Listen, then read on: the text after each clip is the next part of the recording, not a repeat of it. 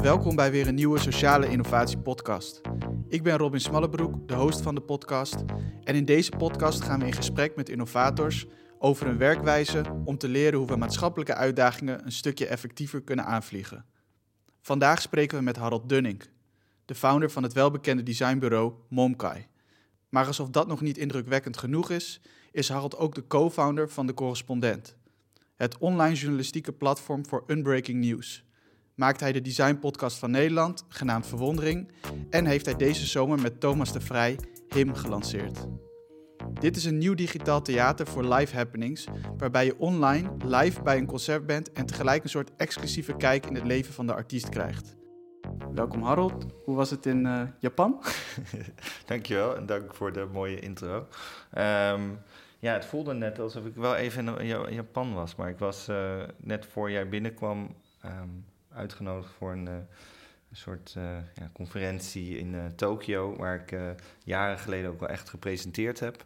Maar nu met corona en plus dat ik het liefst zo min mogelijk vlieg voor het klimaat, zou ik daar nooit, nooit zomaar heen gaan. Maar het voelde wel een beetje alsof ik ineens toch even in Tokio was voor anderhalf uur. Waar ging de, het event over?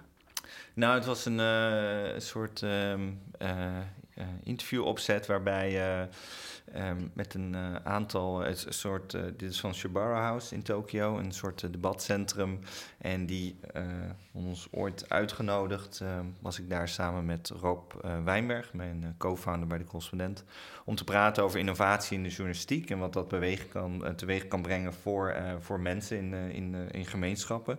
En uh, en dit was, nou, ik denk dat ik daar was, was al vijf jaar geleden. En ze wilden eigenlijk weten hoe, wat voor ontwikkelingen er waren. Er is natuurlijk heel veel gebeurd bij uh, als platform en in de wereld in general natuurlijk met COVID. En um, dus ik ontmoette deels mensen die ik kende van de vorige keer. Dus bijvoorbeeld een ja, schrijver van Wired. De eerste keer dat ik in Wired stond, een, eh, een soort, uh, ja, hoe zeg je dat, een technologisch magazine, wat uh, als kleine jongen al een soort heel vet vond. Vrij iconisch magazine. Ja, en dan ineens dan met allemaal Japanse tekens stonden we dat in. Echt wel heel cool. En um, ja, het was eigenlijk heel bijzonder. Er was een, een man die, um, die had eigenlijk ook een designbureau, maar dan in, in Tokio. En die, dat heette No Designer. En hij deed veel maatschappelijke projecten, waarbij hij ook keek over hoe je creativiteit bij mensen kan ontsluiten. En mensen denken vaak dat dat iets is wat je erft. Maar hij was eigenlijk veel meer mee bezig van ja, hoe kan je dat in veel meer mensen inspireren. En daar ook dingen voor opzetten. En bleek hij een heel episch boek geschreven te hebben over een soort evolution thinking heette het. En had het heel mooi op zijn site gezet. Ik had natuurlijk helemaal niet door van wauw, oké, wie is deze meneer eigenlijk? Bleek dat de Amazon number one bestseller uh, afgelopen jaar te zijn in Japan met een ja, heel mooi geïllustreerd boek. Um, helaas niet in het Engels, maar ik krijg dus uh, hopelijk uh, nu een heel mooi Japans exemplaar opgestuurd. Maar het was ja, heel fascinerend. Had een heel mooi iets, ja, um, een heel mooi initiatief opgestart, wat daar heel erg was opgepikt. En nu vertaald werd in Chinees en Koreaans, maar nog niet, uh, niet iets, tenminste niet iets wat ik zou kunnen lezen nog, maar hopelijk een keer. En um, dus ik vond het eigenlijk wel grappig dat dat vooraf ging aan ons gesprek, omdat uh, ja, ik denk dat ja, sociale innovatie of innovatie in general komt omdat mensen met elkaar spreken, ideeën uitwisselen en ja, je leert vaak veel meer op de randen van je discipline. Dus je met verschillende soorten mensen praten en en dat je daarbij ook over de grens durft te kijken. En uh, ja, dus het was wel bijzonder om heel even eventjes weer daar te zijn. Ja, en daar gaan we zo meteen zeker dieper op in. Want met die mensen praten en over de grenzen heen kijken, dat vraagt natuurlijk om uh, verdieping. Um, maar eerst een soort van bij de start. Wat, wat is jouw vak? Wat doe je? um, ja, mijn werk is... Eigenlijk maak ik podia voor anderen.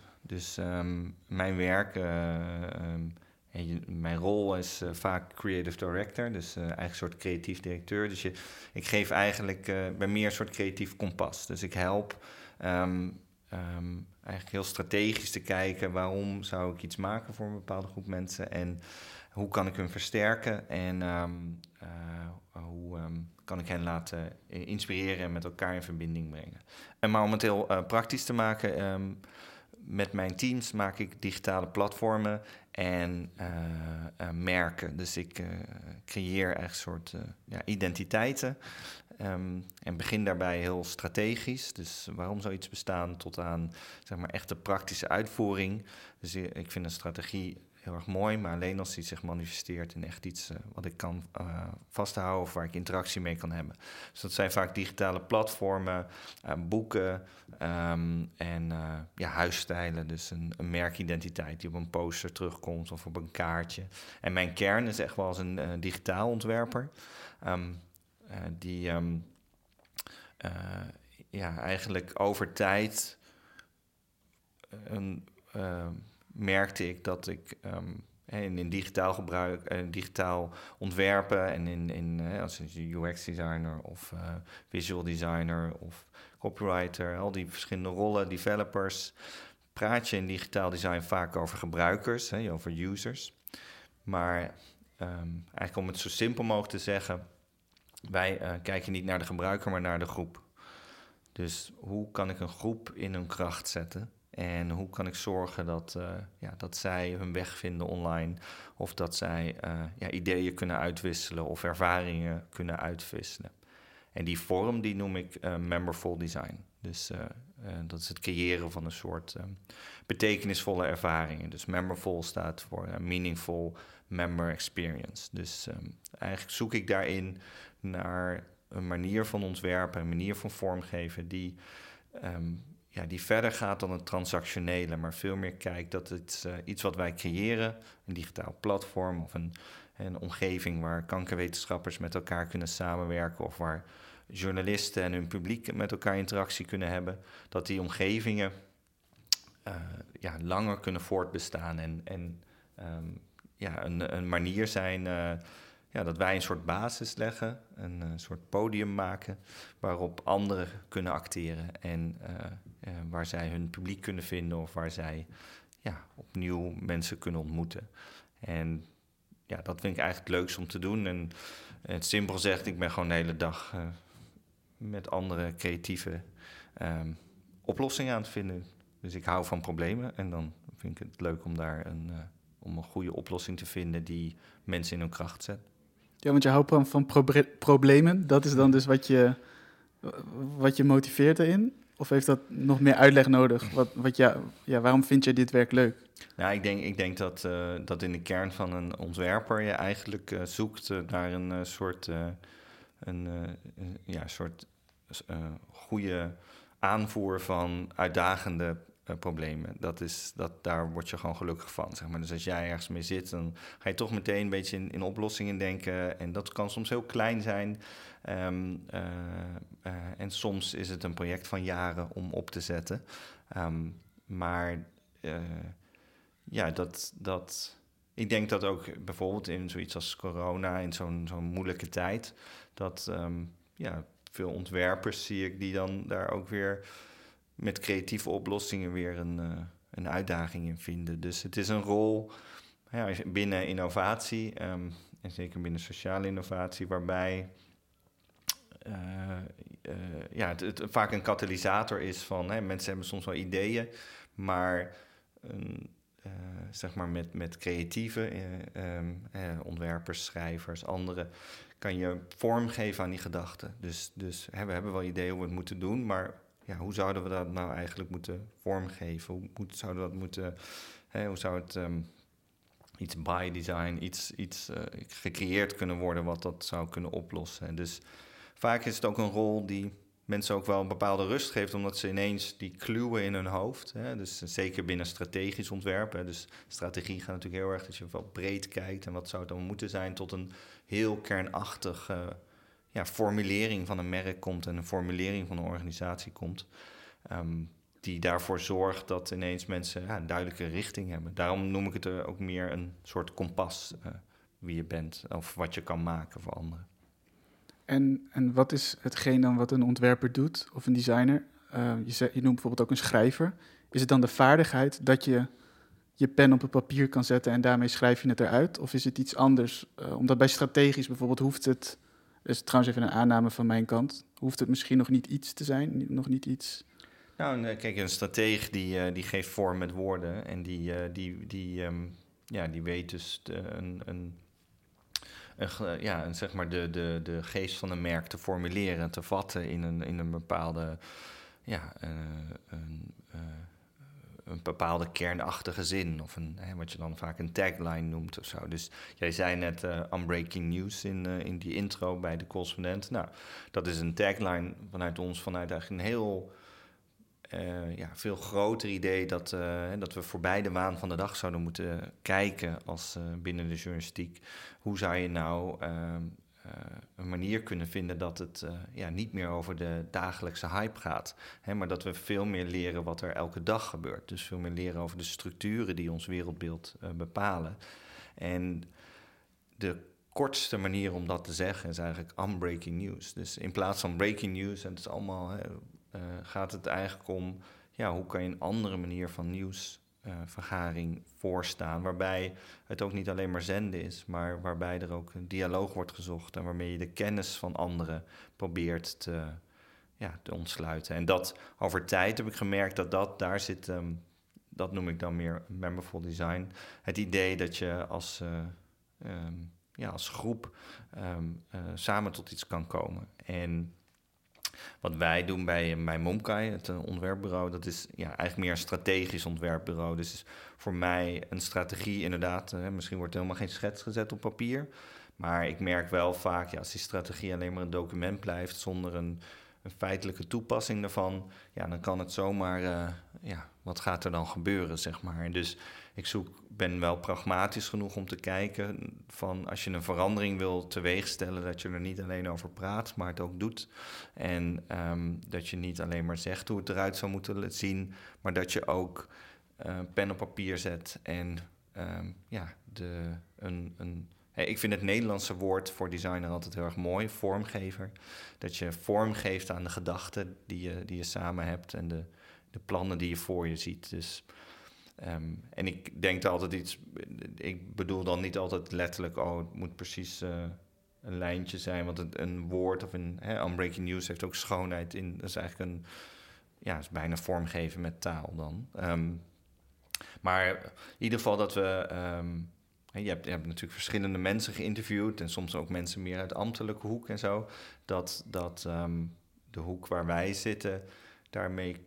Uh, uh, kan je soms, uh, dus je noemde wat dingen die we geïnitieerd hebben over tijd in de intro.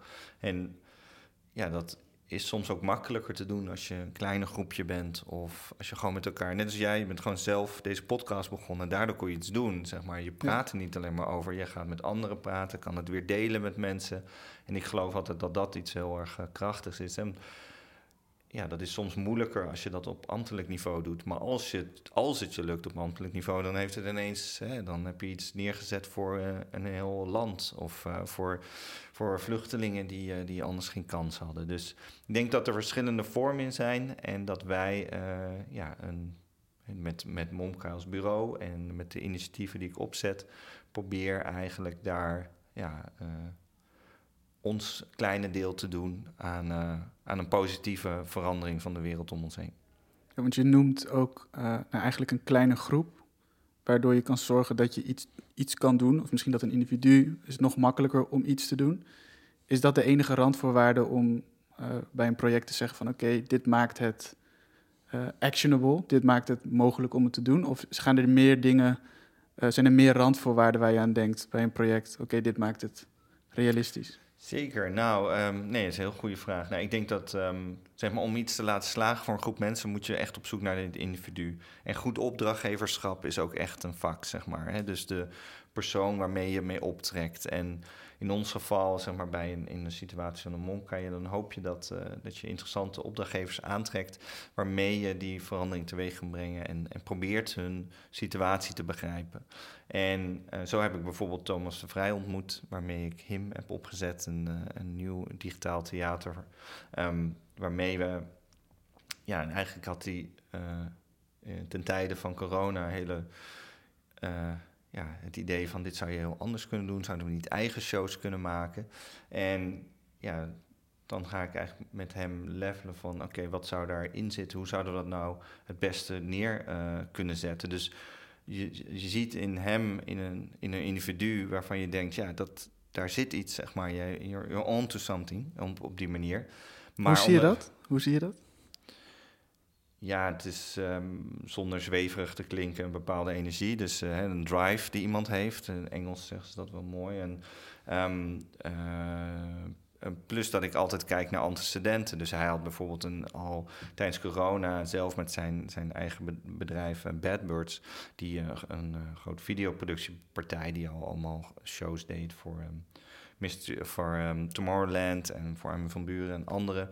had hij tijdens corona, terwijl alles wegviel, er waren helemaal geen festivals meer, er gebeurde niks meer. En uh, uh, aan zijn goede vriend Martin Garrix voorgesteld: hey, kunnen we niet een show doen op het water? Je bent in Nederland, hebben met een paar boten, dan is alles veilig voor corona. En dan gewoon een set doen. Ja, in een tijd dat er gewoon helemaal niks gebeurde. Hè. Dus dit is vorig jaar, wat zou het zijn, juni of zo. En. Uh, ja, en, en vanuit dat, uh, en dat op YouTube geplaatst en aan bepaalde televisiestations over de wereld verkocht. En daarna gedacht, ja, waarom gaan we dit niet zelf ergens doen? En zo raakten we aan de praat. Hij kende dat, Momka leren kennen. En wij, wij, wij, wij gingen zo, raakten zo in gesprek van, hey, zouden we niet een, ja, een soort muziektheater kunnen creëren waarmee mensen sommige mensen die wonen weet ik veel, in Indonesië of ergens anders, die misschien nooit Martin Garrix kunnen gaan zien, omdat hij nooit op hun eiland komt. En dat uh, zouden we niet een theater kunnen maken waar iedereen bij zou kunnen komen, zeg maar. Zou dat niet iets heel vet zijn? En als je toch een beetje die live ervaring hebt, hè, omdat er een moment is die gecreëerd wordt. En de slogan uh, uh, die, die ik daar heb verzonnen is uh, Ode to Now. Of een soort van Just Do It. Um, dus Just Do It, de slogan van Nike. Een slogan is vaak mooi in, in drie woorden.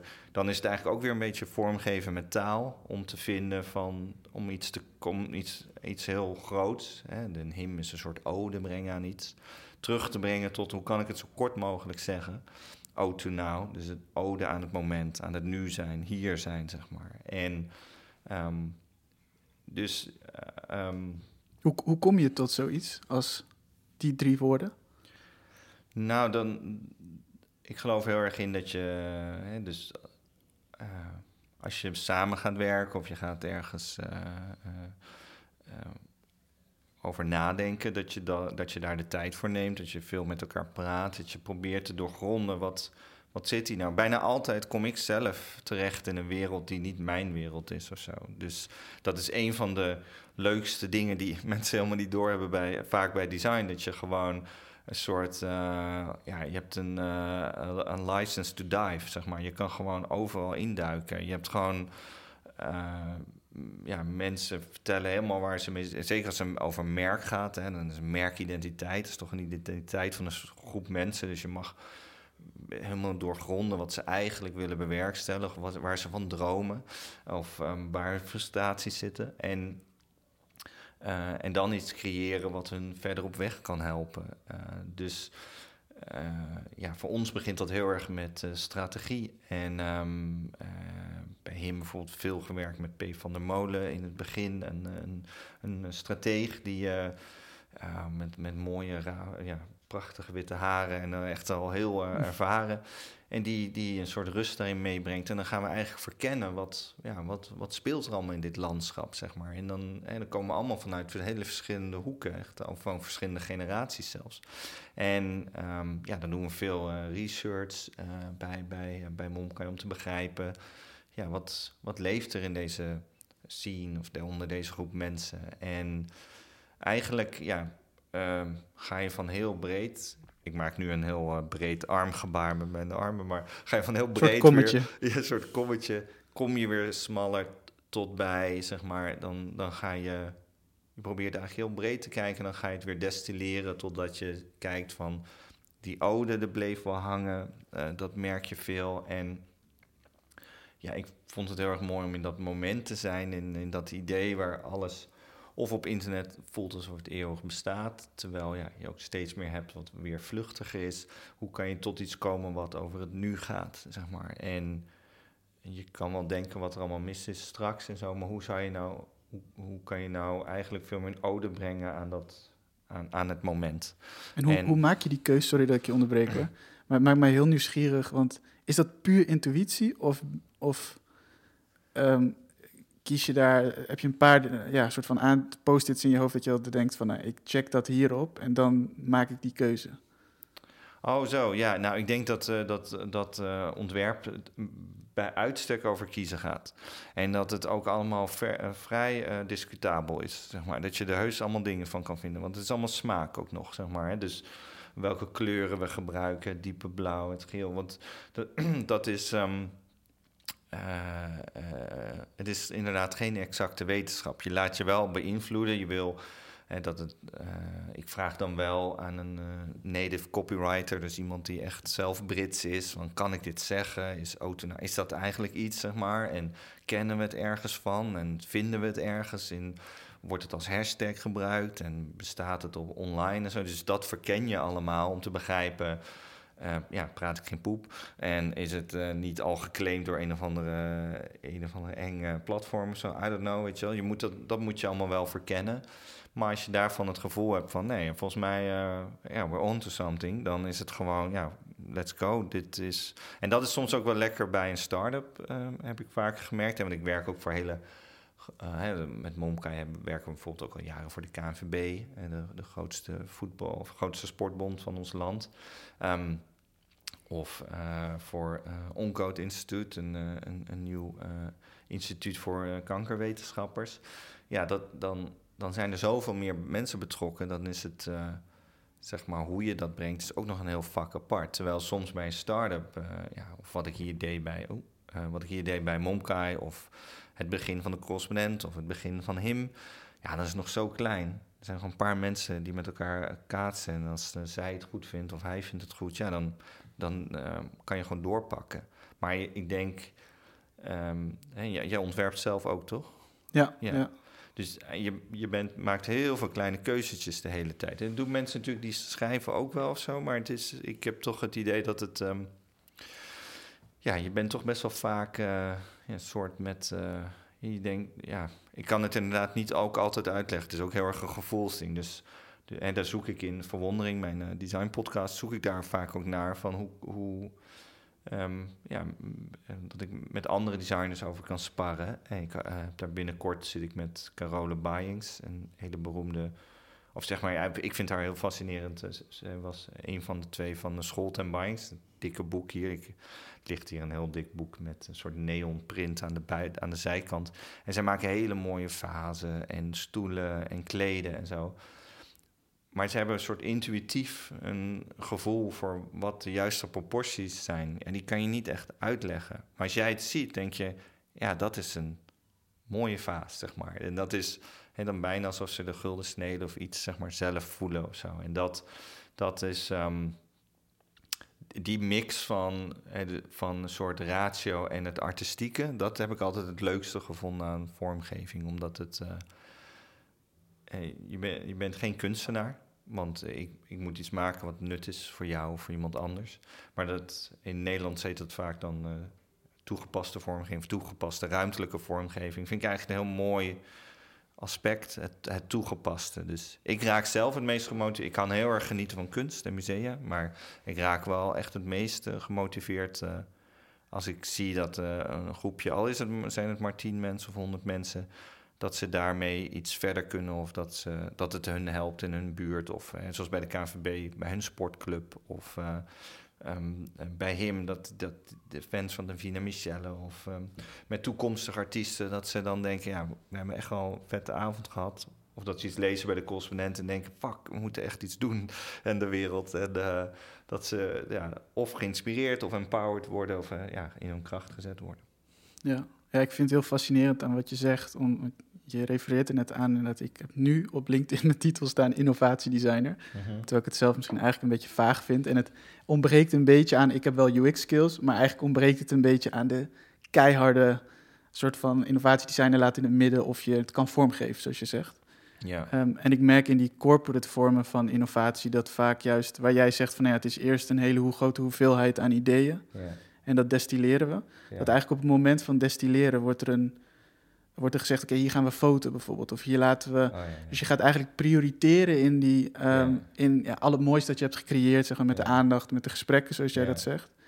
Terwijl jij eigenlijk iets omschrijft, of eh, correct me if I'm wrong... maar dat je eh, het, het destilleren eigenlijk in eerste instantie op intuïtie doet. Dus je, je maakt een keuze en die ga je valideren eigenlijk. Want daar ga je context Ja, bij vinden. Ja, ik denk dat dat een goede omschrijving is. Ja, het grappige is, je merkt het bijvoorbeeld heel praktisch als ik een eh, ontwerptraject doe voor een eh, nieuw merk of een nieuwe huisstijl. Dan, ehm ik doe helemaal niet aan eh, drie logo voorstellen of zo. Ik werk gewoon naartoe dat er dan heel veel praten, itereren en over tijd. Maar ik werk toe naar één traject. Dus zeg maar, dit is het beste wat wij als deze groep mensen met deze designers wat wij nu kunnen maken met de wetenschap van nu en wat we alles van jou gehoord hebben. En dan eh, komen we hierop uit en dan kan je daar nog op itereren. Hè? Dus je kan de kleur nog aanpassen of dingen aanpassen. Maar het is niet zo dat ik eh, twaalf logotjes ga neerzetten en ga zeggen, nou, welk vind je het mooist? Omdat, omdat voor mij het logo niet het logo is. Voor mij is de identiteit deze grafische uiting van het logo hier klein eh, op een eh, fiets en hier eh, groot achter op een laptop en hier op deze website in het midden. Dat zijn allemaal uitingen van die identiteit. En ik moet de identiteit weten te vatten. Dus ehm, ja, daar zit hem in ieder geval. Dus ik hou wel erg van de.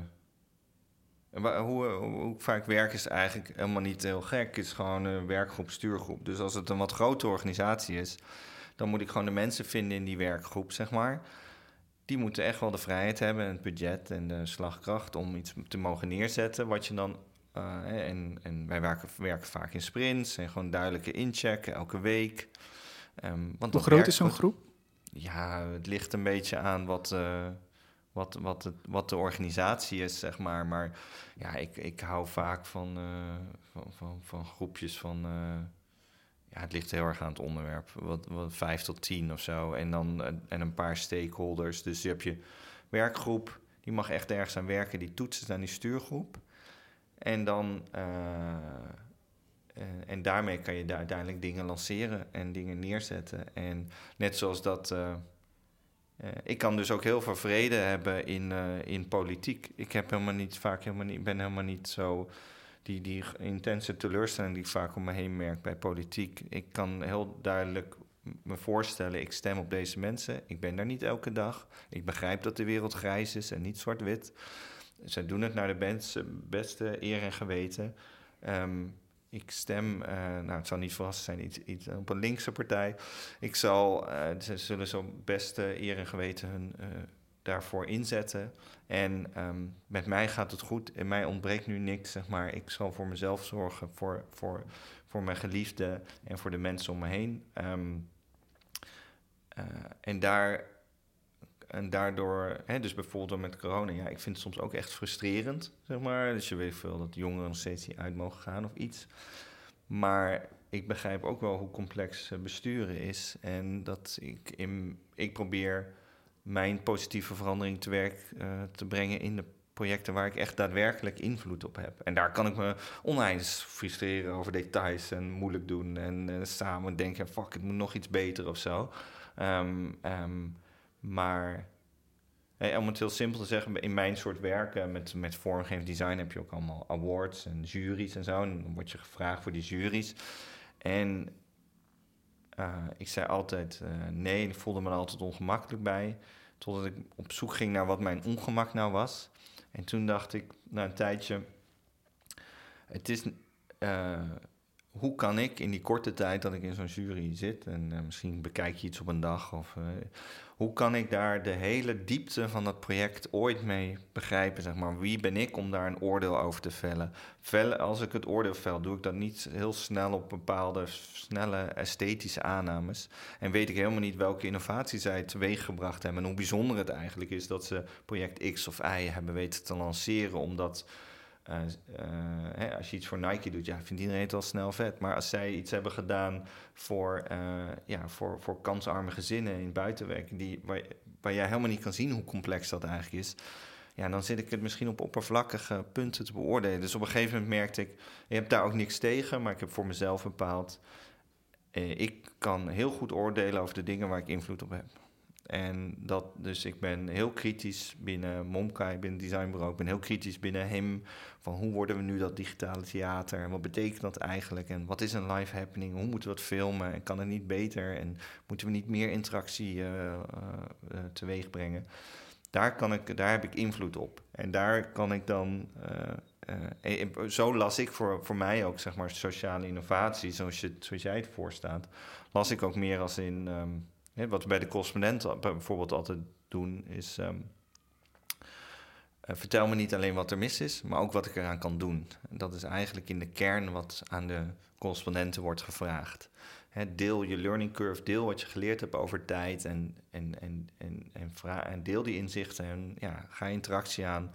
Misschien kan je van die ander leren en vertel ook wat zij ervan mee kunnen doen. En ik denk, um, ja, die, die, die die, die kijk van om ehm, mensen ja, een soort zelfredzaamheid te bewerkstelligen en, en, dus, en binnen de eigen dingen te oordelen, denk dat dat wel, ja, dat als vormgever, dat is wat ik, waar ik echt, en dat is een weg waar ik vorm aan kan geven. Is dat ook wat je memberful design noemt?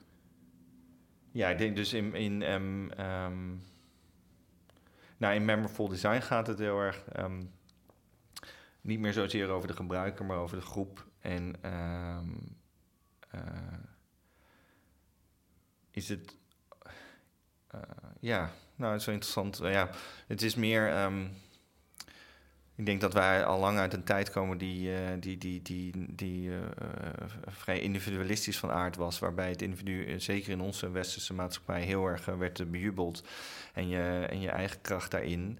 En um, ik miste daarin altijd, uh, uh, ja, vond het altijd heel vreemd dat je hoeft maar heel kort na te denken en je weet al dat, uh, dat, dat niet iedereen zomaar voor zichzelf kan opkomen. Een hond kan niet voor zichzelf opkomen, een, een baby kan niet voor zichzelf opkomen. Dus het is, het, is evident dat er maar een deel van de mensen, en ik ben zelf een, een, een, een witte man in een Noord-Europees land, zeg maar. I'm totally privileged, zeg maar. Ik moet wel echt, wel echt iets gaan doen wat ook weer voor anderen uh, nuttig kan zijn.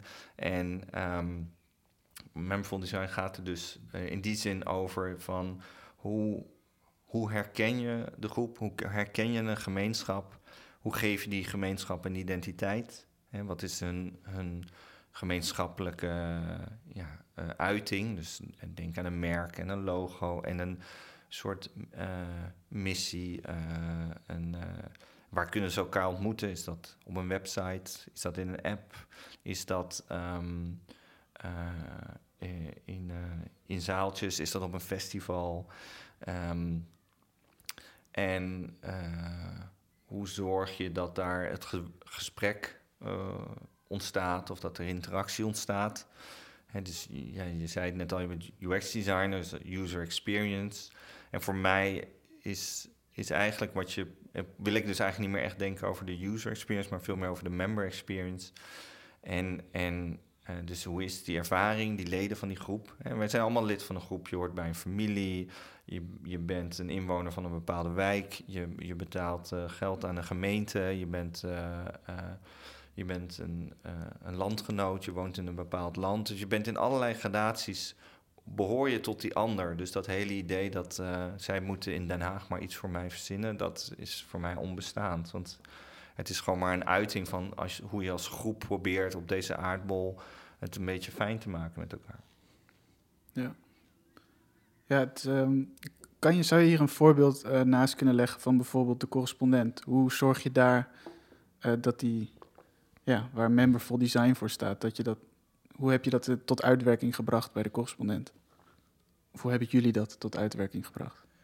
Ja, dat is een hele groep mensen hè, natuurlijk. Hè, dat, uh, en, en om, om, een goed beeld te schetsen, daar uh, zeg maar, heb ik eigenlijk 7,5 jaar um, geholpen om, om ja, dat steeds uh, ja, die, die, dat gesprek te faciliteren tussen, tussen leden en correspondenten. En om, om de journalisten um, de juiste tools en middelen te geven waarmee ze ja, de inzichten kunnen delen die, die het waard zijn. En um, ik, ik zit dus, en hoe ik het eerder ook schets, ik, ik creëer het podium, ik, ik creëer uh, de ruimte, het theater.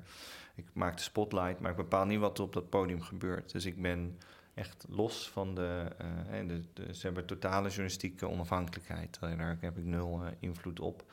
En dus ik kan meedenken over hoe je iets kan ontwikkelen. Dus bijvoorbeeld wat we merkten over tijd was dat naast het lezen van verhalen, en er werden altijd grapjes gemaakt, die correspondent al tering lang zijn en allemaal 15 minuten en wanneer heb je daar de tijd voor, merkten we over tijd van hé, hey, dat is eigenlijk uh, ja, uh, uh, in audiovorm, en precies wat wij nu doen, podcast, is eigenlijk heel populair, want het is een andere manier. Ineens kan je ook op je fiets of tijdens de was, kan je ineens um, een, een nieuw inzicht horen of een nieuwe verhalen horen. En toen zijn we daar um, een, uh, een app voor gaan maken met Momkai en de correspondent. Om een audio-app. Um, dus een voor noise cancelling journalism heet die nog in het Engels. Maar in ieder geval een manier om de ruis eruit te halen.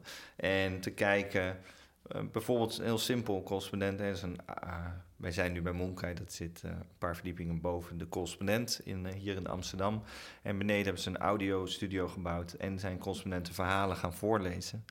En ineens dat hele moeilijke economische verhaal, wat, wat, wat ik toch dat niet zo snel zou aanklikken of zo, over, over schulden of, uh, van, van Jesse Frederik, heeft een hele mooie serie gemaakt. Um, ja, dat, dat ineens in audiovorm vind ik dat heel leuk. Wordt het me verteld of... Uh, en het doen het ook in videovorm en zo. Maar die, de, uh, ja, we wilden al langer een app maken. Maar om heel, uh, we hebben niet oneindig veel middelen. We hebben geen adverteerders. Je wordt niet heel rijk van onafhankelijke journalistiek. Dus je, je moet slim zijn met het, met het geld van de leden die we hebben. Dus we dachten, ja, we kunnen wel een app maken die alles kan. Maar waar, hoe kunnen we nou iets maken wat nuttig is voor onze leden? Um, en waarmee we ook, en dat is vaak de grootste uitdaging, uh, denk ik tegenwoordig, zeker in uh, digital design, is hoe kom je in het ritme van je lezer, van je gebruiker, van je, van je leden.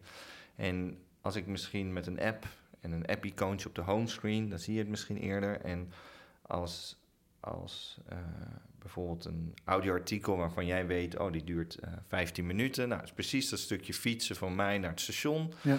Um, dan kom ik misschien in jouw rituelen. Dan kom ik misschien uh, ergens dat, uh, dat, dat jij denkt: ah ja, ik, moet, ik heb net even dit stukje, ik wil even iets, ik wil wel iets opsteken. Ik wil niet, ik nu even geen zin in muziek of ik wil geen dommige radio waar, waar ik niks van opsteek. Ik wil gewoon wil kijken of ik nog een, ja, iets, iets beter kan begrijpen wat ik misschien tot nu toe voor mij abstract bleef. Nou, en dan ga je naar de audio-app um, en kan je daar allemaal verhalen horen van correspondenten.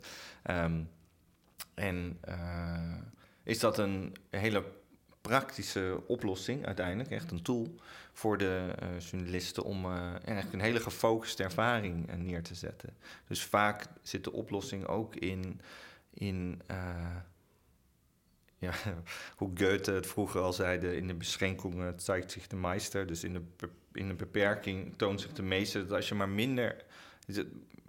Iemand die heel creatief is, die wordt meestal niet veel beter zeg maar, met veel meer geld. Kijk naar George Lucas en de latere Star Wars films van hem. Die, het werd niet beter toen hij heel veel geld had, zeg maar. En um, dus soms, waar ik vaak naar zoek, is ook hè, binnen innovatie, als je iets wil bewerkstelligen, bedenk niet alles wat je niet hebt, maar bedenk gewoon om te kijken van dat wat we hebben, hoe kunnen we daar onze, onze kracht van maken. Um, dus uh, we hebben heel veel verhalen. We hebben een heel diep uh, geschiedenis bij de correspondent met verhalen. Um, we, we, zoeken naar die persoonlijke band. Hè. Dat is waarom het ook de correspondent heeft. Uh, het is, het is uh, iemand van vlees en bloed die met een bepaald perspectief naar een onderwerp kijkt en daarover praat. Um, hoe kunnen we. En, en, audio is een veel goedkopere vorm. Hè? Dat, heb jij denk ik ook gemerkt met je podcast. Ik ja. heb het ook met verwondering. Het is een veel lagere instap die best wel persoonlijk is.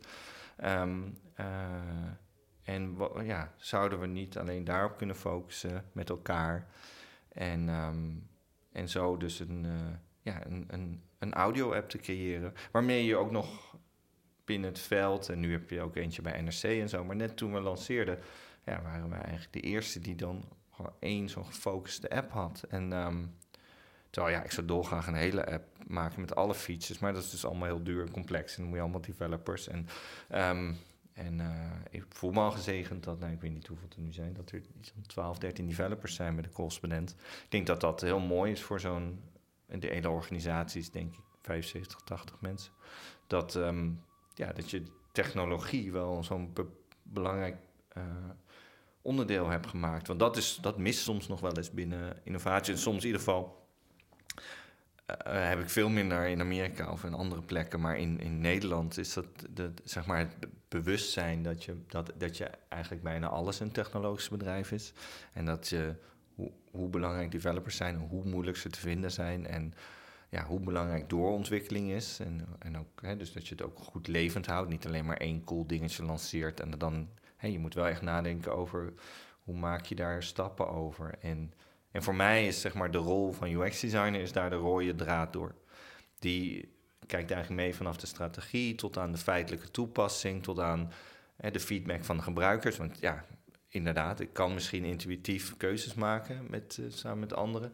Maar ja, wie, wie zegt dat die allemaal goed zijn? Ik weet ik niet. Hè. Ik bedoel, ik, uh, je, je, moet het ook in de praktijk valideren. En dan merk je ineens, hey, als we deze keuze maken, als we dit knopje daar neerzetten, dan zit hij te dicht bij dit andere knopje. Mensen met, met dikke handen en dikke duimen, die drukken verkeerd en dan werkt het niet. Dus ja, het zag er leuk uit in design, maar we moeten toch even iets veranderen. Um, Hoe doe je dat, het testen? Een goede vraag. Ja, ik denk uh, um, uh, gewoon in de praktijk met meerdere mensen in de studio kan je al heel veel proberen, zeg maar. Um, je kan meer questionnaires naar je leden toesturen. Bij de correspondenten heb je bijvoorbeeld, kan je ook aanzetten in je profiel dat je, dat je van beta features, dat je daarin geïnteresseerd bent. Daar zijn ook wel eens dagen georganiseerd dat je met een groep gebruikers gaat zitten. Kost natuurlijk altijd heel veel werk. Uh, dat hoeft niet erg te zijn, want ik bedoel, als het makkelijk was, deed iedereen het wel. Um, en ja, daar probeer ik natuurlijk met Memorful Design ook naar te vinden. Het is ook een heel erg een, een, een kijk naar je organisatie. Als jij probeert een organisatie te zijn die ja, een, um, een zelflerende organisatie, dus dat je, dat je weet dat je ja, dat. dat stilstand achteruitgang is, dat je echt de hele tijd moet, moet verbeteren, dan, en dat het leuk is om te verbeteren. En dat je niet getrouwd moet zijn met je idee, maar dat je gewoon open moet staan. Hier heel simpel, Momkai zeg ik altijd heel duidelijk bij, ook bij, bij uh, nieuwe collega's en vooral bij jongere nieuwe collega's. Van, je maakt je beste werk samen. Als jij denkt dat het af is, is het helemaal niet af. Want als jij, alleen maar jij ernaar hebt gekeken, is niet goed. Want je moet het een keer uitleggen aan iemand anders. En ik moet het een keer zien, of jij moet het een keer zien. En jij denkt dan ineens, hè, is dit... Ik, snap niet waarom dit hier staat, of... Um, wat een moeilijk woord is dit, weet je Ik ken dit helemaal niet of zo. Of uh, um, uh, deze twee kleuren bij elkaar, die... Um, en niet iedereen heeft dezelfde perceptie van kleur natuurlijk. Die, die voor mij uh, blenden die in elkaar. En ik kan niet... Ik kan, de contrast is te laag. Of ik ben wat ouder en de lettertjes zijn voor mij te klein of zo. Dus je kan zo goed en kwaad als het gaat, kan je, kan je daar aannames in doen. En dan moet je wel met, met anderen praten. Maar je hoeft het voor mij nooit helemaal een stuk te redeneren, zeg maar. Helemaal, in het begin wilde Google, uh, zei van... Het waren natuurlijk zo erg in, een, uh, in die opbouwfase en, natuurlijk super innovatief bedrijf. En heel erg bezig natuurlijk met computers en wat kunnen die allemaal. En toen hebben ze um, een tijd lang eigenlijk heel veel designkeuzes dachten ze, waarom zou je dat nog met een mens doen, zeg maar. Wij, ze hebben heel veel gradaties van blauw gehad voor de link. En waren ze heel trots op dat je zo, dat je zo um, uh, zo tot de keuze kwam wat dan de beste blauw is. Want da daar klikten de meeste mensen op. Dat zou dan toch het beste zijn, zeg maar. En dat is niet onwaar of zo. Maar op een gegeven moment, uit het geheel van hoe je Google zag... en, en, en, en, uh, um, en tegenwoordig is dat heel mooi ontworpen. Maar dat was het dus een tijd eigenlijk niet meer... omdat het bijna droog geredeneerd was van... nee, maar ik heb toch alle gebruiksfeedback... want ik heb toch de grote getallen, ik zie toch alles wat er gebeurt. En dat ze toen uh, moet ik het even goed zeggen, volgens mij toen Larry Page, Serge Brin, volgens mij toen Larry Page weer de, uh, ook de directeur werd, en hebben ze, hebben ze ehm, wat veranderingen gemaakt in het team en hebben ze eigenlijk weer de mens teruggebracht in dat beslissingsproces. Omdat je toch merkt dat er een bepaalde intuïtieve keuzes in moeten zijn van ja, hoe kan ik een design systeem maken. Dus een design systeem is eigenlijk dat je zegt, uh, nou, we gebruiken deze vier kleuren en we gebruiken altijd dit lettertype en we doen dat in deze grootte. Maar dat ze manieren vonden om tot een soort systeem te komen die genoeg vrijheid bood aan alle verschillende facetten die ze hebben, van Google Maps tot Google Docs tot Sheets, tot hè, dus hoe je iets op de kaart vindt of hoe je iets in de browser vindt. Die, je gevoelsmatig hebben die allemaal samenhang, maar hè, ze zijn dingen gaan animeren en zo. Ja, je zou zeggen, animeren is toch helemaal niet nodig. Als het er staat, dan staat het er. Terwijl animeren is eigenlijk een manier om het fluïde te laten ontstaan. Hè. Net alles bij ons in de wereld om ons heen is niet patsmoem, het is er ineens. Het, het, uh, het, beweegt er naartoe, het waait er naartoe, het, zwemt er naartoe, uh, het glijdt erin. Dus, dus um, uh, dat vond ik altijd heel mooi, dat zeg maar, zij zelf tot de realisatie... en dat is natuurlijk, ja, je kan zeggen, misschien wel het meest innovatieve bedrijf wat er is...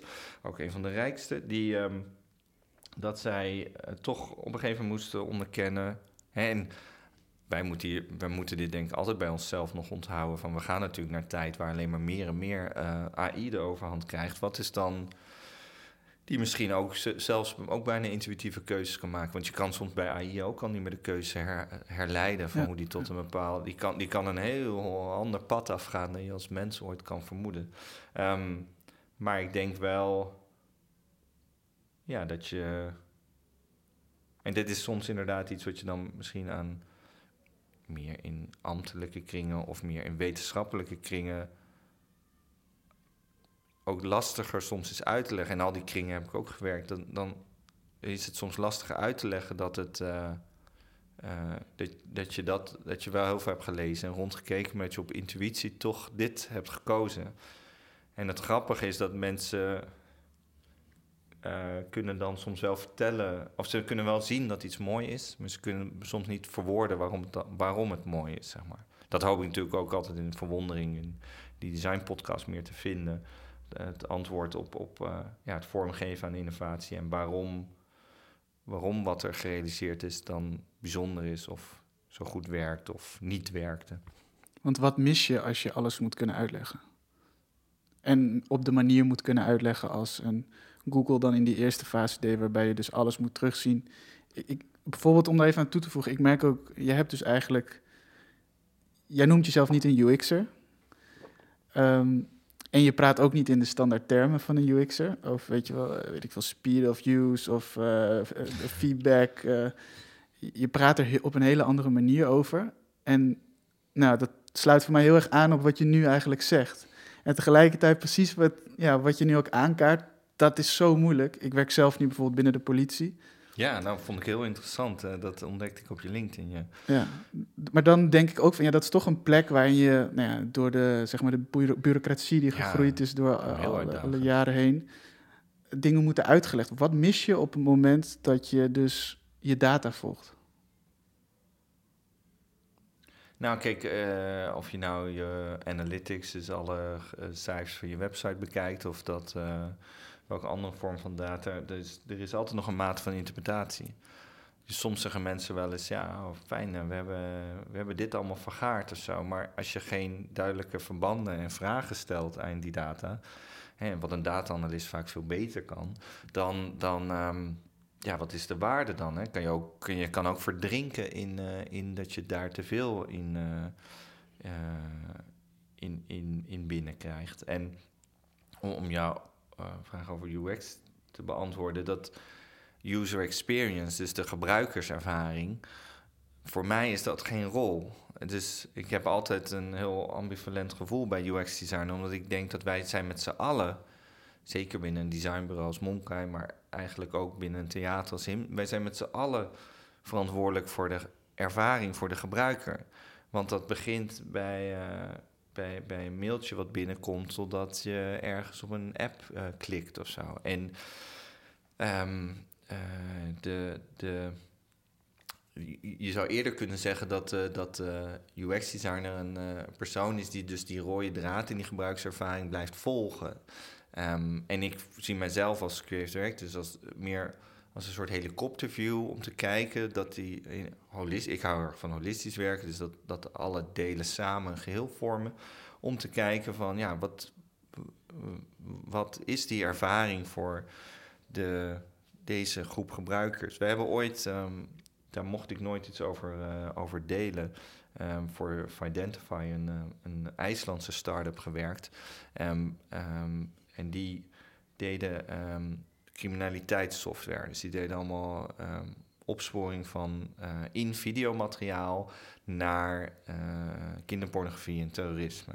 En uh, maar eigenlijk vooral, ja, dat, het, het vre ik vind dat het vreselijkste, dus dat eerste onderwerp. En mm.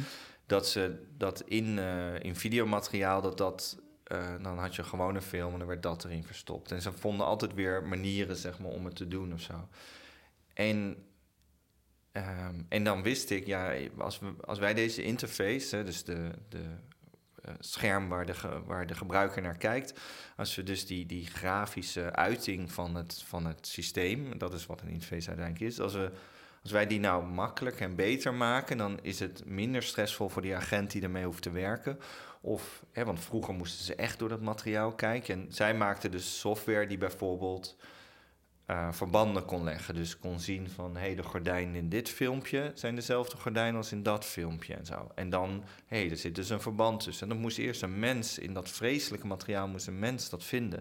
En... Um, uh, zodat je gelabelde testdata hebt, zodat je ook weet dat dat apparaat of dat programma doet wat hij doet. Ja, en dat dat programma dus een deel van de, van de, van de gewoon daadwerkelijke stress die dat is, zeg maar, um, alweer kan helpen op te vangen. En dat je dus een, een. Ik vond dat altijd een heel mooi onderwerp om aan te werken. Mocht er natuurlijk nooit iets van laten zien. Want ja, uh, je wil niemand een uh, voorsprong geven online. Zeker niet deze. Uh, ja, voor mij. ja, ik vind dat het meest onmenselijke wat je kan doen. En. Um, ja, dan, is de, dan waren we dus heel erg bezig met ja, hoe, hoe zou. Als dit makkelijker is. Als ik, als ik deze knopjes beter heb en zo, dan is het. Eh, dus je maakt de interface eigenlijk helder. Je zorgt dat de interactie voor zich spreekt en dat bepaalde dingen misschien geautomatiseerd kunnen worden die vroeger allemaal handelingen waren of zo.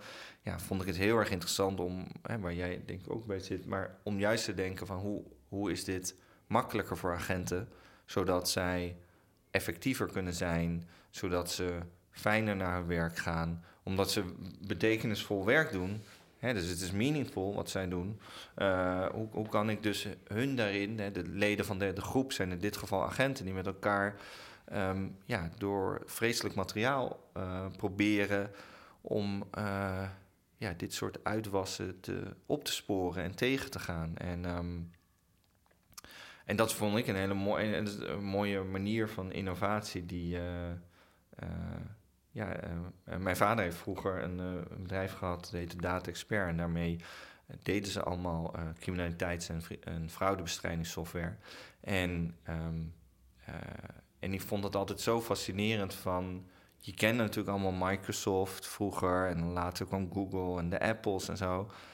Maar ik kende helemaal niet zo... Ja, door hem leerde ik dat kennen eigenlijk van Oh ja, als je software dan al die patronen tussen die criminelen kan je ook in kaart brengen. De computer kan daar nog sneller. En dat is nu natuurlijk nog miljoenen keren sneller en beter dan hoe het vroeger was toen mijn vader dat met zijn bedrijf deed. Maar hij begreep dat toen al. nou ja, hij deed het gewoon. Dat is, dat is, uh, ja, dat is software waar zij training in gaven. En, en um, uh, uh, maar ik, ik merkte dat ik de. de He, dus jouw, jouw, jouw podcast heet sociale innovatie, maar dat die sociale kant vond ik dus, merkte ik dus heel erg interessant. En het kan ook gewoon commercieel zijn, hè? want je kan gewoon een product maken en mensen kopen het en je hebt licentie. Of, de Coswin is ook gewoon een commercieel bedrijf die ook gewoon winst uh, mag maken, maar waar wij op gericht is meer dat het geen winstmaximalisatie heeft. Dus ja, als iets is voor een politieagent, dan denk ik, ja, dat is, dat is sociaal relevant. En um, als ik het voor uh, hem of haar iets makkelijker kan maken of iets fijner. Of ze, ja, zij voelt zich onderdeel van een groep of ze voelt zich gehoord. Hè? Dus ik vind software ontwikkelen bijvoorbeeld die je, ja, die je, die je voor ehm, ja, misschien meer binnen zoiets, binnen organisaties of binnen zakelijke omgeving doet. Ja, dat is heel erg mooi als je iemand daar uh, mee verder kan helpen. Rijke mensen nog rijker maken vind ik minder interessant. Ja, dat, heb ik ook. Ja. Ehm, ja, het leert mij eigenlijk best wel, want memberful design, om helemaal eerlijk te zijn, ik interpreteerde dat eerst als okay, je hebt dus een platform als de correspondent. En hoe zorg je dat verschillende type members, dus eigenlijk nog wel weer meer het, het misschien wat individualistische perspectief van UX, hoe zorg je dat die interactie hebben op een platform? En eigenlijk hoor ik je, en again, eh, weet je wel, uh, zeg als ik hem toch weer verkeerd uh, oppak. Um, maar zeg je van nee, eigenlijk stel ik, maak ik bijvoorbeeld een app zoals die luister-app van de correspondent, die maak ik heel toegankelijk. Of de, de politie-app, die maak ik maak ik een hele rustige omgeving, zodat die user toch zich als member binnen alle communities waar die is, zich vrij kan bewegen. Of in ieder geval op een meaningful manier kan bewegen. Ja, zeker. Nee, ik denk dat je het heel goed zegt. Ik denk dat dat ook een, eigenlijk een korte samenvatting is van mijn eigen realisatie daarin. Ik dacht eerst ook dat het meer over leden gaat. Totdat uh, een van mijn collega's uh, bij Monke zei, ja... Um, hoe, hoe, kijken we dan eigenlijk onze eigen teammembers? Hoe gaan we memberful dan toepassen binnen Monkai? En dacht ik, ja, natuurlijk. Dat zijn. En sindsdien zeg ik ook geen colleagues. Maar hier het zijn internationale collega's, dus je praat voor Engels. Um, zeg geen colleagues meer, maar teammembers. Zodat ze allemaal begrijpen dat memberful, ja, hier ben je ook lid van een groep. En um, dus ja, in de, in, zijn, in zijn meest letterlijke vorm gaat het om memberships. Maar uh, eh, in, eh, het, is, het is uiteindelijk ook een visie op hoe je kan designen voor een eh, ja, voor, voor de groep eigenlijk. Dus het is. en soms is dat een, een, een, wetenschapper, lid van een instituut. En soms is dat je collega in je team. En soms is dat een politieagent die, die onderdeel is van een korps. En uh, soms is dat iemand die voetbalt uh, of helpt in de kantine, lid is van de KVB. En hey, soms, eigenlijk kort gezegd, soms is dat eh, lidmaatschap expliciet. Ik ben lid van de KVB, anders kan ik geen amateurvoetbal spelen. En soms is het geïmpliceerd. Ik werk, ik werk bij de politie, dus ik ben, hoor bij een korps en daar, daar, ik ben, ja, daar ben ik onderdeel van. En um, het is dus eigenlijk een, een, lens op verandering, een lens op innovatie, die um, uh, duidelijker stelt hoe, hoe, jij en ik als individuen samen een groepje kunnen vormen die het beter maakt voor een grotere groep. Gaaf. We zeiden vooraf, uh, dit moet een uur duren, maar ik heb nog wel echt, echt twee vragen, sorry. Oké, maar we zitten nu ongeveer. Dat, ja, we zitten nu op, op een uur. Net iets voor een uur.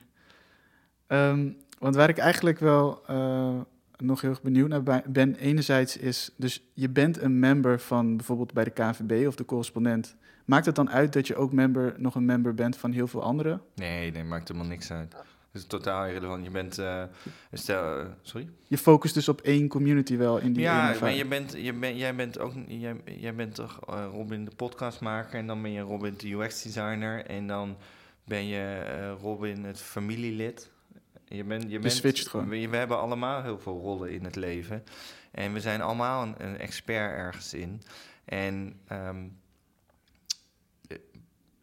ik ga er meer naar op zoek met, het, met teams van welke, wat is de gemene delen hier, zeg maar. Wat, uh, bij hem is het, uh, ja, zij houden, uh, dit zijn fans van een bepaalde muziekartiest. En ja, niet heel veel mensen snappen helemaal niks van die muziek. Maar wij met elkaar vinden deze tracks heel erg vet. En je kent dat gevoel, het is een tijdje terug, maar je kent het gevoel van als je echt bij een concert was en zo.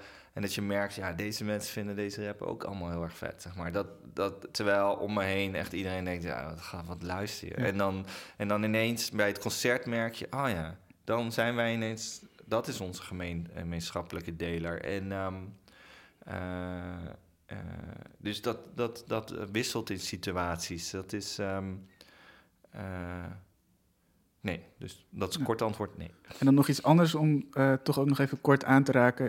Je hebt het over een stuurgroep, een werkgroep. ehm, en je gaf daarin aan van ma- je maakt eigenlijk één duidelijke keuze ook voor het ontwerp wat je daar uiteindelijk neerlegt. Eh, je prioriteert niet met z'n allen, lijkt het in dat proces, eh, wat, er allem, wat er aan de hoeveelheid aan ideeën is. Maar je, je kiest iets, je laat een aantal individuen gewoon iets kiezen en gaat dat dan eigenlijk valideren. Dus intuïtie heeft een grote rol. Heb je nog een andere truc? Want het is eigenlijk best wel... Ja, dat, dit klinkt als... nee, sorry, ik wil niet de trucendoos maken. Dat, dat is met, met alle respect dat woord. Ik bedoel, je hebt zoveel dingen gedaan. En eigenlijk eh, wat mij dan eh, heel erg intrigeert... is dat heel veel dingen in het leven ook heel... vooral ook in sociale innovatie, heel moeizaam vooruit willen. En jij lijkt een enorm talent te hebben om dus dingen in beweging te houden en ze realiseerbaar te maken. Dus wanneer jij zegt, nou, ik vind dat, ik kan, dat je ook luchtig over politiek kan praten, dat houdt bij mij heel erg een soort van, eh, dat intrigeert. Ehm, dank, dankjewel. Eh ja, ik denk wel dat dat. ehm, nou ja, d- dat, dat ik, ik zoek er inderdaad wel naar van hoe kunnen we daar verder in komen. En ik heb natuurlijk ook, ik heb ook allerlei projecten die niet zijn gelukt. En die nooit het levenslicht hebben gezien. En, en waar ik, eh, ja, waar ik, eh, eh, ja, ik denk dat het, dat het ook simpel, oh, ik denk dat het ook simpelweg, eh, ja, je doet het goed of niet. Dus ik kan niet anders dan heel erg in opgaan. En, en, dan, en dan wil ik ook dat, er echt, dat we er ook echt komen. En dat ik ook denk. En mijn werk is eigenlijk altijd op zoek te gaan naar die firestarters. Hè? Dus diegenen die, de, die het in beweging brengen, zeg maar. En hoe kan je die, hoe kan je die, dat vuurtje dan echt laten lopen? En eh, dat, dat, eh, en, en dat inderdaad kan je doen met gewoon duidelijk kiezen en duidelijk ergens voor gaan. En ehm, ik hoop altijd dat een langere track record, dus als je dat iets hebt bewerkstelligd, maakt dat je het volgende ook weer wat makkelijker kan doen. Dus ik denk voor iedereen die deze podcast luistert, maakt niet uit hoe klein het is, als je, als je iets hebt bewerkstelligd, je hebt, je, hebt een, je hebt een bepaalde tool in je organisatie gebracht waardoor mensen makkelijker communiceren of je je hebt een stuk gepubliceerd wat mensen begrijpen en denken, oh, dit moeten we ook zo doen. Of eh, al heb je soms mensen in een kamer bij elkaar gebracht, waardoor er iets, eh, iets verandert.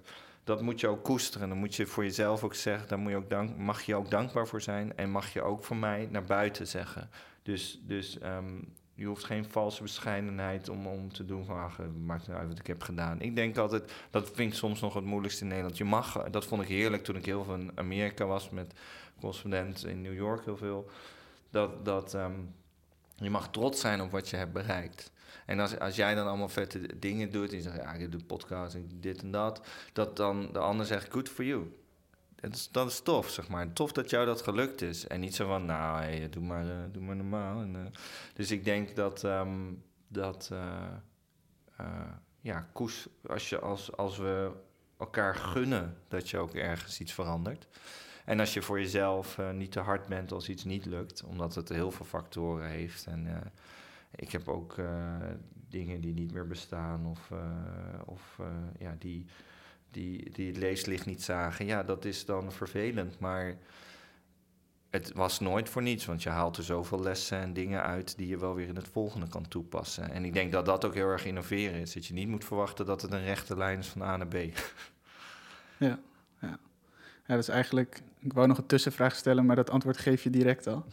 Eigenlijk hoe je die, hoe die energie eigenlijk ook als eh, innovator, want je trekt het naar het persoonlijke en je zegt eigenlijk iets ook over de interactie met een opdrachtgever. Ja. Als ik je goed versta. En dat, ehm, nou, ik denk dat dat, tenminste voor mij is dat ook wederom heel leerzaam. Dat je denkt van ja, inderdaad in het bouwen van die track record is het misschien ook wel heel goed om daarin niet altijd alles bij jezelf te leggen, maar ook te kijken van in de interactie meer van wie zijn de firestarters en dat je samen dat, dat doet.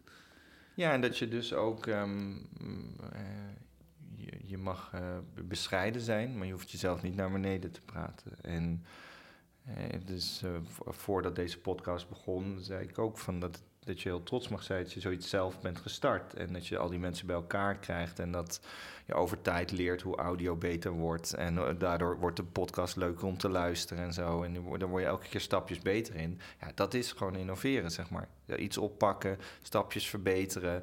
En, ehm, en dankbaar te zijn voor de, de stapjes die gelukt zijn. En alles wat niet lukt, gewoon te denken, ah fuck it, dan, dan heb ik...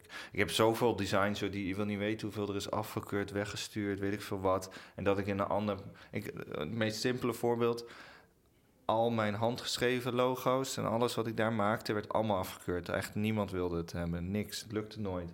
En toen, voor het eerst dat we zelf iets echt gingen starten, uh, Laudi, een, uh, een Bluetooth speaker, ja. Um, portfolio, dat kan je nog vinden op momkai.com in het portfolio, was de eerste keer, dan had ik niemand meer om dat aan hoeven uit te leggen. Alleen maar mijn zakenpartners waar ik het mee opzette in Frankrijk. En ja, gingen we dat schetsen. En ja, toen had ik gewoon een heel lekker logotje. En dat werkte supergoed. En vond iedereen leuk. Toen dacht ik, ja, fuck, ik voelde wel dat dit leuk was. Maar ja, als, niemand het, als ze niet weten dat het kan, of ze hebben het nooit gezien, of ze vinden het maar spannend, want het is geen bestaand lettertype.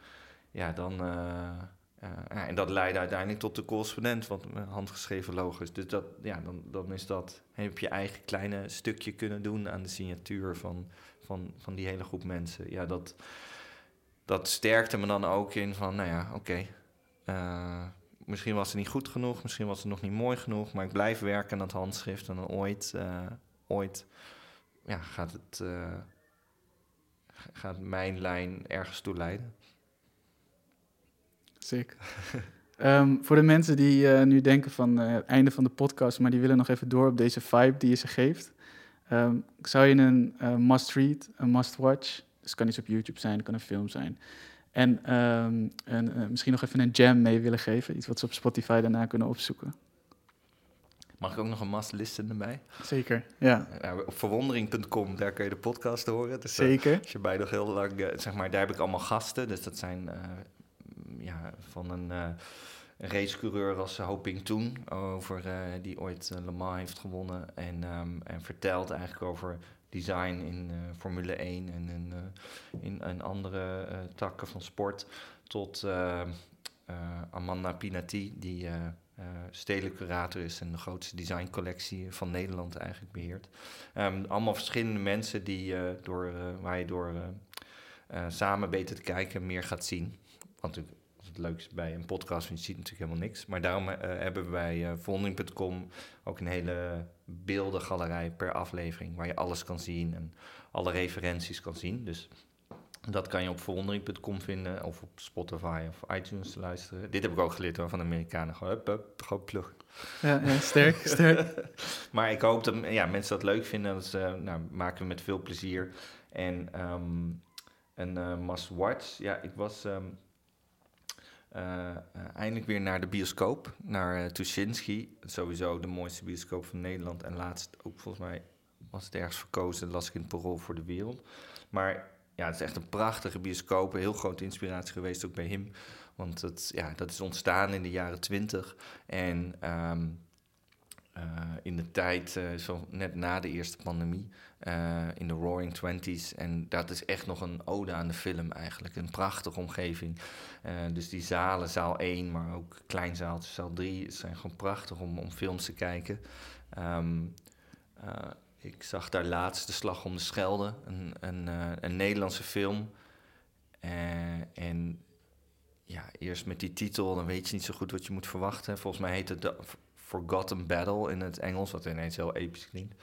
En, um, maar het is een hele mooie, eigenlijk wat meer, ja, meer ruwere um, oorlogsfilm die ook, ook in oorlog laat zien hoe grijs alles is, zeg maar. En hoe je op je woorden moet letten. En ja, heel mooi. En, en Duitsers praten gewoon Duits en Engelsen praten Engels. En, de, en de Zeeuwen praten echt Zeeuws, dus je moet goed opletten. Maar dat is echt een hele gave film. En gewoon heel lekker. Gun het jezelf gewoon weer in de bioscoop. En gewoon dat massive geluid en dat grote scherm en zo. En gewoon die wereld waar je in opgaat. Ja, dat is gewoon fantastisch. Dus uh, Slag om de Schelde is uh, verrassend leuk. Um, echt heel mooi uh, gemaakt. En... Um, um, wat had je nog? Een, een, een jam. Een jam. Um, uh, een jam, oh ja.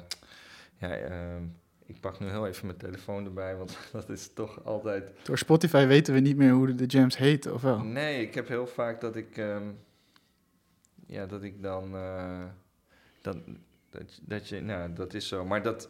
Ja, ik vond het altijd heel erg leuk dat... eh, ik luister altijd graag hip-hop shows en dat mensen dingen cureren. En eh, vroeger met 22 tracks, dat, men, dat, eh, dat, dat ze allemaal tracks vonden en zo. Dat vond ik altijd Ja. heel erg leuk. En ja, Discover Weekly heeft dat natuurlijk een beetje overgenomen. Ehm, even kijken. Wat was dat fijn, 22 tracks inderdaad. Ja, dus het liedje, ja, ik kan, en dan voor mij, eh, ehm, eh, als je 22 Tracks leuk vindt, dat is, bestaat helaas niet meer, dat muziekplatform, maar er is wel een heel leuk eh, Radio Radio, een, eh, een, een tentje in Amsterdam op het Westergasterrein, waar je heel tof eh, jams kan luisteren en die ook weer een online equivalent hebben, waar je livestreams van hun kan eh, zien, en die ze daar weer opnemen. Gewoon, ehm, met heel mooi licht ontworpen door Boris Akket. En dat is echt een fantastische plek om naartoe te gaan. Je kan er ook pizza's eten. Dat heet Pizza Pizza. dus eigenlijk, misschien is mijn muziektip eerder Radio Radio. Ja. Ehm, omdat dat gewoon echt een, zowel een hele leu- leuke locatie is voor iedereen eh, in Amsterdam. En voor iedereen die niet in Amsterdam woont, wat natuurlijk heel veel mensen zijn. Dan ehm, eh, hebben ze ook een, eh, ja, een soort... eh, hoe zeg je dat? Een soort livestream shows die ze streamen. En die ze heel eenvoudig filmen en met een heel mooie cirkel erachter, waardoor het, eh ja, zodat een heel eigenheid hebben in hun, in hun, ook in hun visuele stijl. Kan ik natuurlijk altijd erg van genieten. En had je nog eentje of niet? Of heb ik Nee, dan heb je ze echt wel Ja, afgetikt. Must Read had je nog. Ja, ja, die zat er eigenlijk tussen. Ja, precies. Je had Must Listen eraan toegevoegd. Je kijkt er nu eventjes om je heen, want er staat, het is trouwens een heel mooi kantoor dit. Echt een designkantoor. Ja, we zitten in mijn werkkamer bij, eh bij Momkai. Ehm nee, en als uh, must read denk ik dat... eh, wat ik op mijn nachtkastje heb liggen... heb ik eh, ooit een keer van een goede vriend gekregen. The Daily Stoic. Ehm, een boek van Ryan Holiday. En dat gaat eigenlijk over de Stoïcijnen. En, ehm, eh, en dat is een heel mooi boek. Je kan gewoon elke dag een keertje doorheen bladeren. Waar vaak ja, eh, schriften van allerlei eh, schrijvers uit de oudheid, allerlei stoïcijnen, ehm, die ja, wat, ehm, wat eigenlijk hele fijne soort levenslessen zijn. Mijn, mijn favoriet is altijd Marcus Aurelius, de Romeinse keizer, die, die, die schreef en eigenlijk best wel streng schreef, maar hij schreef het naar zichzelf. Het was nooit de bedoeling dat ooit iemand dit zou gaan lezen. En eh, en dat wetende, dat het gewoon maar notities zijn aan jezelf, zeg maar, die, die, wat je van jezelf vraagt, dat vond ik eigenlijk heel erg mooi. En eh, kort gezegd komt het erop neer dat eh, daar waar je geen invloed op hebt, hoef je ook geen druk over te maken. Dankjewel. Ik denk dat het een heel mooi einde is. Thanks. Ik heb eh, ontzettend genoten van het gesprek. En eh, voor iedereen die luistert, bedankt voor het luisteren. En ga klik ook zeker even door naar de Verwondering de podcast. Dankjewel. Super, jij bedankt. Ciao.